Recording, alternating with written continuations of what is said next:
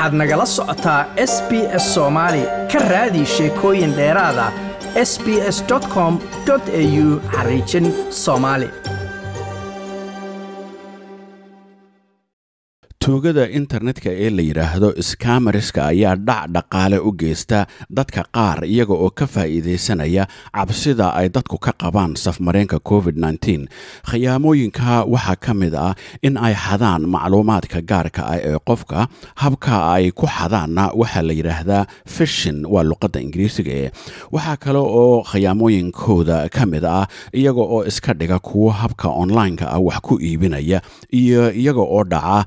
lacagta suprenuationka ah oo ah lacagta dadka shaqeeya loo kaydiyo si ay u isticmaalaan ama ugu noolaadaan marka ay howlgabaan warbixintan oo ka mid ah taxanaha settlement guide ee s b s ay ugu talagashay in dadka waddanka soo dega ay ka faa'iidaystaan ayaanu ku eegaynaa siyaabaha lagu garto tuugada internetka iyo sida la isaga difaacaba waxaa jira website ama shabakad la yidhaahdo scam watch oo ay maamusho hay'adda la yidhaahdo australian competition and consumer commission oo loo soo gaabiyo a triple c shabakadaasi waxa ay macaamiisha waxgadata iyo ganacsatada yaryarba siisaa macluumaad ku saabsan sidii ay u garan lahaayeen khayaanada internetka ugana feejignaan lahaayeen islamarkaana u soo sheegi lahaayeen haddii iyo markii ay ku dhacdo. Shabakadaasi intii uu mareenka covid bilaabmay waxaa soo gaadhay in ka badan cabasho oo ku saabsan tuugada internetka ee ku qudhaabata cabsida coronavirus ta khayaamooyinkaas oo lagu dhacay lacag ka badan milyan iyo oo kun oo dollar. Waxaa kale oo jirta wakaalad kale oo dowladda australia ay leedahay oo la yidhaahdo australian digital health agency taas oo ka mas'uul ah diiwaanka la yidhaahdo my health record iyo nidaamka australia ee si digital ah daawooyinka loogu qoro qaabka dhakhaatiirtu isugu gudbiyaan bukaanka iyo weliba barnaamijyada kale ee la yidhaahdo e health dor steve hambleton waxa uu la taliye sare oo caafimaad u yahay australian digital health agency waxaana uu sheegay in ay jiraan khiyaamooyin badan oo la xidhiidha tallaalada covid australia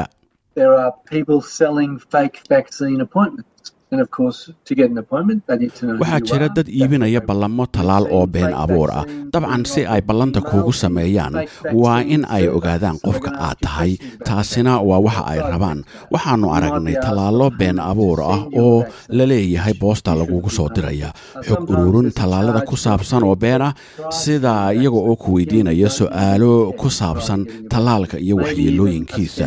waxaa laga yaabaa in lagu weydiiyo in aad bixiso lacag si lagugu soo diro tallaalka feejignow ha u dirin lacagta. Mararka qaarkoodna waxay ku weydiiyaan kharashka baadhitaan ay ku sheegeen inuu ka horeeyo tallaalka. Mar labaad ogow uma baahnid wax baadhitaan ah ka hor inta aadan qaadan tallaalka. Waxaa laga yaabaa in tuugta qaar ku yidhaahdaan safka tallaalka ayaannu kugu daraynaa ogow taasna uma baahnide ayuu yidhi australian digital health agency ayaa uga digaysa macaamiisha waxgadata in ay ka digtoonaadaan tuugta internetka ee iibisa borogramyo lagu sameeyo shahaado tallaal oo been abuur ah. Dor hambleton ayaa sheegay in dadka raadinaya shahaado tallaal oo been abuur ah ay halis ugu jiraan in ay macluumaadkooda oo uu ka mid yahay nambarka kaadhkooda bangigu ay siiyaan tuugta internetka taasoo macnaheedu yahay buu yidhi in ay tuugadu magacooda wax ku xadi karaan dad ayaa suuqa madow ku iibiya shahaadooyinka been abuurka ah dabcan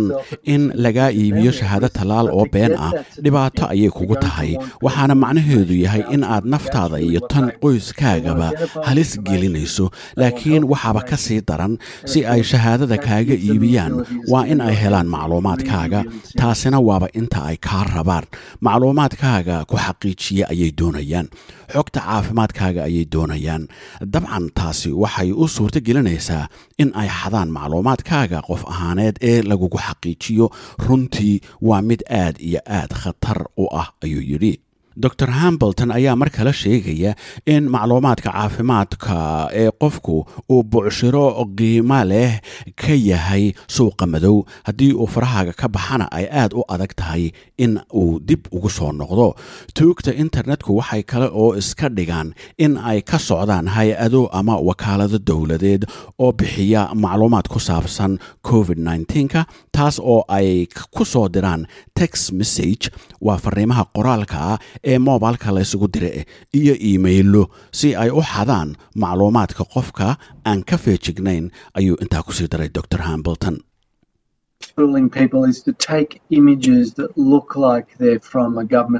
sida kale ee ay u dagaan dadka waxa weeye in ay soo qaataan sawiro ama calaamado u eg kuwa laamaha dowladda iyaga oo ku muunadaynaya iimaylada ama fariimaha qoraalka ah ee ay moobilka ku soo diraan. tusaale waxay u ekaysiiyaan shabakadda my gov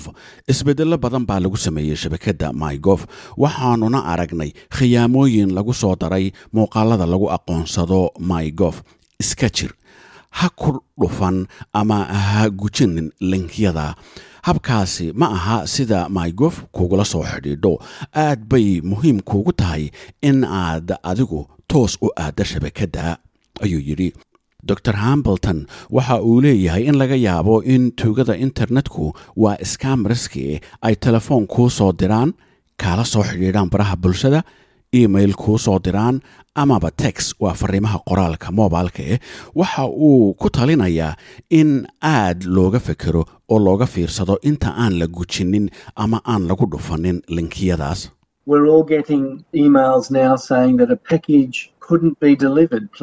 waxaynu dhammaanteen helnaa iimaylo ina odhanaya alaabtii aad dalbatay waa la keeni kari waayaye guji ama ku dhufo linkigan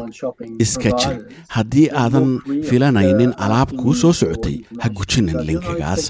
waxay isticmaalayaan calaamado ama muuqaalo sax ah oo ay leeyihiin kambaniyada internetka wax ku iibiya sida amazon oo kale. waxa aanay ku weydiinayaan macluumaadkaaga sidaa darteed haddii aadan filanaynin in alaab aad internetka ka dalbatay kuu timaado ama kuu imanayso aad uga feejignow oo ka shaki fariimaha waxaa kuu roon in aad dib ugu laabato waraaqihii hore ee aad wax ku iibsatay. Intii aad gujin lahayd linki aanad hubin waayo habkaa linkigan ku dhufo ahi ma aha habka ay ganacsatadaasi isticmaalaan ayuu yidhi dor sranga senefratne waa bare culunta amniga internetka ka dhiga iskuulka culunta sare ee kombyuutarada ee jaamacadda university of sydney wuxuuna qeexayaa sida ay brograamadan tuugtu internetka tuugta internetku isticmaalaan ee maalweerka la yidhaahdaa ay u xadi karaan macluumaadkaaga qof ahaaneed ee aad isku xaqiijiso. Waxay tuugtu samayn karaan link marka aad ku dhufato ay kombyuutarkaaga ka soo gelayso softwarekan tuugada ah ee ay wax ku xadaani. Marka aad guujiso linkiga ayay softwarekaas tuugada ahi kombyuutarkaaga gelaysaa oo isdhex dejinaysaa adiga oo aan ogeyn muddana ku dhex jiri kartaa tusaale waxa ay softwarekaasi qabsan kartaa ama uruursan kartaa. Wax kasta oo aad garaacdo ama aad teebgarayso waxay markaa softwareku macluumaadkii ay kaa uruursatay si qarsoodi ah oo aadan arki karin ugu dirtaa. Tuugtii markii horeba linkigii aad gujisay kuu soo dirtay ayuu yidhi tuugada internetku waxay kale oo samayn karaan website ama shabakad u eg mid kale oo run ah sida kuwa dowladda iyo ganacsatadaba si aanay dadka la soo xidhiidhaya uga shakiinna waxa ay maqashiiyaan macluumaad ay markii horeba ayaga ka xadeen waxay kale oo sameeyaan dukaamo iyaguna been abuur ah oo u eg kuwa sida onlineka wax looga gato iyagoo iibinaya walxo aan jirin sida daawooyin tallaalada covid face mask iyo wixii la mida shanton jang isaguna waa profesor wax ka dhiga school of computing and information systems oo ka mid ah jaamacadda university of melbourne. Waxa uu leeyahay tuugta internetku sidoodaba waxay uun raadiyaan macluumaadka qofka u gaarka ah.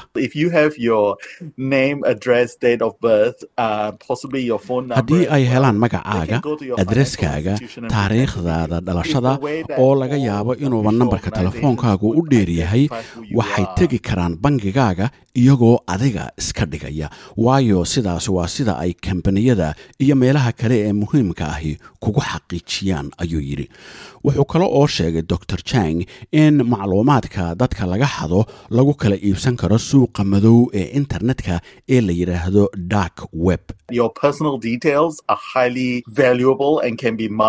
Macluumaadkaaga qof ahaaneed waa mid qiimo weyn leh oo la lacagaysan karo. taa macnaheedu waxa weeye in xataa haddiiba aanay kaa helin lacag ay kaa dhacaan laakiin ay isla helaan macluumaadkaaga qof ahaaneed oo ay ku jirto taariikhda dhalashadaada iyo adreskaagu ay u isticmaali karaan hab ay lacag uga sameeyaan amaba ay u sii iibin karaan. Taasi waa tan aanu ku magacaawno identity theft oo ah mid dhaawac weyn u geysan karta qofka laga haday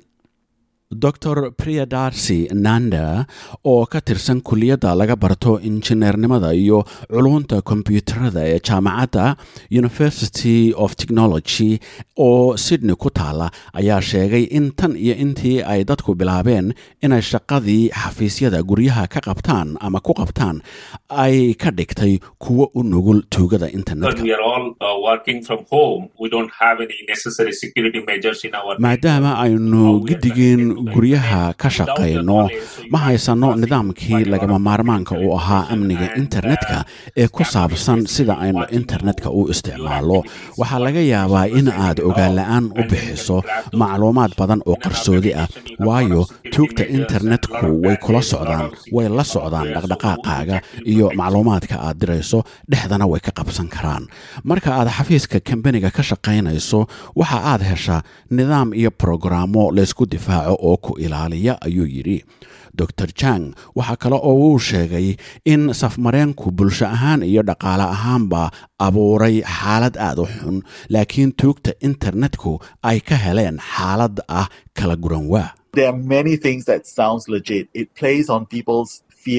Waxyaabo badan baa jira oo u eg wax sharciyaysan waxa ay tuugtaasi ka ilqaataan baahida loo qabo xasilooni amni in si dhaqso ah wax loo helo iyo welwelka waxaanay isu ekaysiiyaan mas'uuliyiin sharci ah. waxa ay ka ugaadhsadaan dadka nugul nuglaantaas oo aan ahayn jileec laakiin ah xaalad gaar ah oo uu markaa qofku ku sugan yahay sida isaga oo si caalwaa ah kaalmo u raadinaya waana marka ay tuugtu beegsadaan waana tan aanu rabno in dadku ka taxadaraan ayuu yidhi waxaa iyaguna muddadii safmareenku socday kor u kacay dhaca iyo khiyaamada internetka ee loo geysto ganacsatada. Tuugada internetku waxay kale uu goljileecsadaan dadka ay dhaqaale la'aan xoogani kaga dhacday covid ka waxa ayna isku dayaan in ay ka xadaan superannuationkooda oo macnaheedu yahay dhigaalka lacagta howlgabka ama waxay isku dayaan in ay ka iibiyaan adeegyo ama walxo aanay u baahnayn. Sidaana waxaa yidhi dor hamble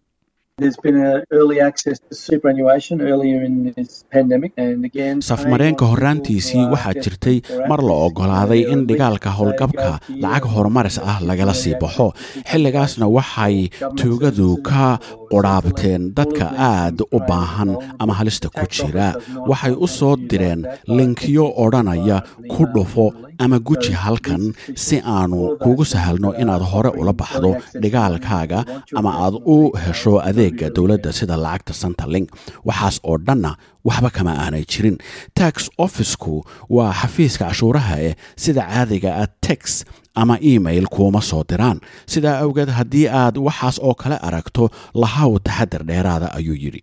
Waa muhiim buu intaa ku sii daray dor hambleton in dadka la khiyaamay ay u soo sheegaan hay'adaha ku shaqale There's been thousands of scams reported, and there's people kumanayaal have actually- dhacdo oo tuugada internetka ah ayaa la soo sheegay. waxaana jira dad laga dhacay lacag islamarkaana ka xishoonaya in ay sheegaan.